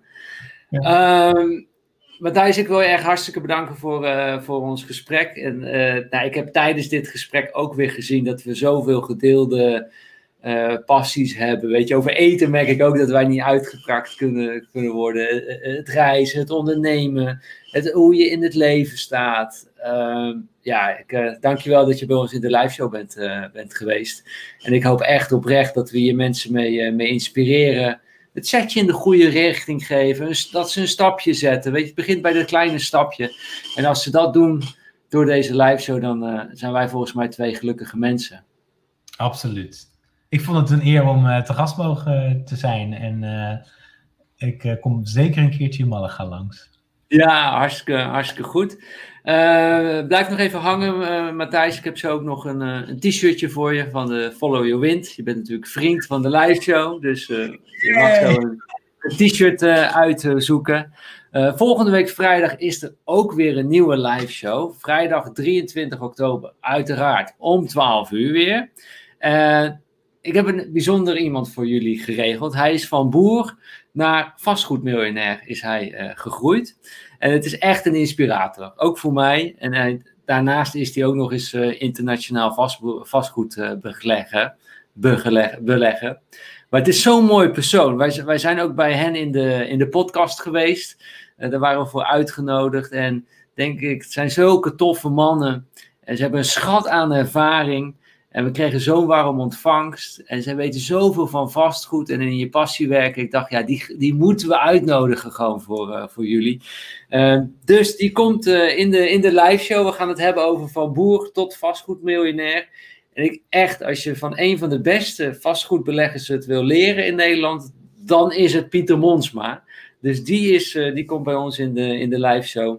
We gaan het hebben over investeren in vastgoed is te leren. En ja, hoe hij in een, ja, opgroeide. En dat hij eigenlijk een boerenbedrijf moest, uh, moest overnemen. Maar daar werd hij gewoon diep ongelukkig uh, van. En hoe hij uiteindelijk ja, in de vastgoed is gerold. En dat echt als een middel ziet om te kunnen leven, volop te kunnen leven. Hij heeft ook heel veel mooie dingen gedaan. Hij heeft zelfs Robert Kiyosaki, de man van Rijke Pa, Arme Pa en het Cashflow Kwadrant, heeft hij naar Nederland gehaald. dus hij heeft ook heel veel betekend voor, voor ons, denk ik, op dat uh, gebied. Hij heeft nu inmiddels een miljoenen portefeuille opgebouwd met, uh, met vastgoed. Daar gaan we het over hebben. Ik ben trots dat hij er is. En ik hoop dat jullie het ook heel erg leuk gaan vinden om uh, ja, volgende week weer, weer aan te schuiven. En gaan we eens kijken hoe we het vastgoed voor ons kunnen laten werken als een mooi middel om volop te leven. Dus uh, dat is volgende week, vrijdag 23 oktober om 12 uur. Uh, wil je met Matthijs verder gaan samenwerken? Dat kan natuurlijk ook. Ga even naar zijn website toe, matthijsvriezen.nl. En je kunt hem ook een mailtje sturen op matthijsapenstaatje. En dan gaan jullie zeker te weten een heel mooi traject in. Uh, en Erika die zegt nog, hij heeft ook T. Harver een keer naar Nederland gehaald. Inderdaad, die heeft hij ook naar Nederland gehaald. Hij heeft heel veel bekende sprekers inderdaad ook naar Nederland uh, uh, gehaald. heel inspirerend persoon is Pieter, Pieter Monsma. Dus ja, zorg erbij dat je de volgende week, vrijdag om 12 uur bij bent. En dan gaan we ook weer een, een knaller van een live show van, van maken. Voor nu, laat nog even in de chat weten wat jullie hebben opgestoken van deze live show. Altijd leuk om te, te horen. En ik zie van Margriet, bedankt weer uh, Stijn. Erika en Matthijs, het zijn prachtige tips die je geeft. Leuk. Ik zie nou die chat pas, uh, Stijn. Ik zie wat stom dit. Nou, naïef. Oh, wat leuk. Ik ga nog even er, doorheen kijken ook zo. ja, je weet, bedankt weer voor de mooie live show en fijn weekend allemaal. Uh, en uh, X, ik had je naam opgezocht, Cripple X, want ik was erachter gekomen. Uh, no, Cripple X is een van de trouwste volgers, maar hij heeft altijd Cripple X. Maar het is Jonas, of oh, zoiets is het. Oh, ik ben het vergeten, misschien weet Nicole het nog. Maar leuk dat je er weer bij bent, Cripple X. En misschien kan je op YouTube je naam veranderen voor ons, dan is het altijd leuk. Uh. Nout, ja, Nout was het. Goed zo, Nicole. Ik had het nog naar je gemaild. Het is Nout. Bijna goed. Nout, inderdaad. Leuk dat je erbij was, Nout. Ah, we hebben nou wel je naam gepubliceerd, maar ja, dat, dat konden ze wel achterhalen. Leuk. Ja. Iedereen super bedankt voor het kijken. Matthijs blijft nog even hangen. En tot volgende week weer. Ciao, ciao. Ciao.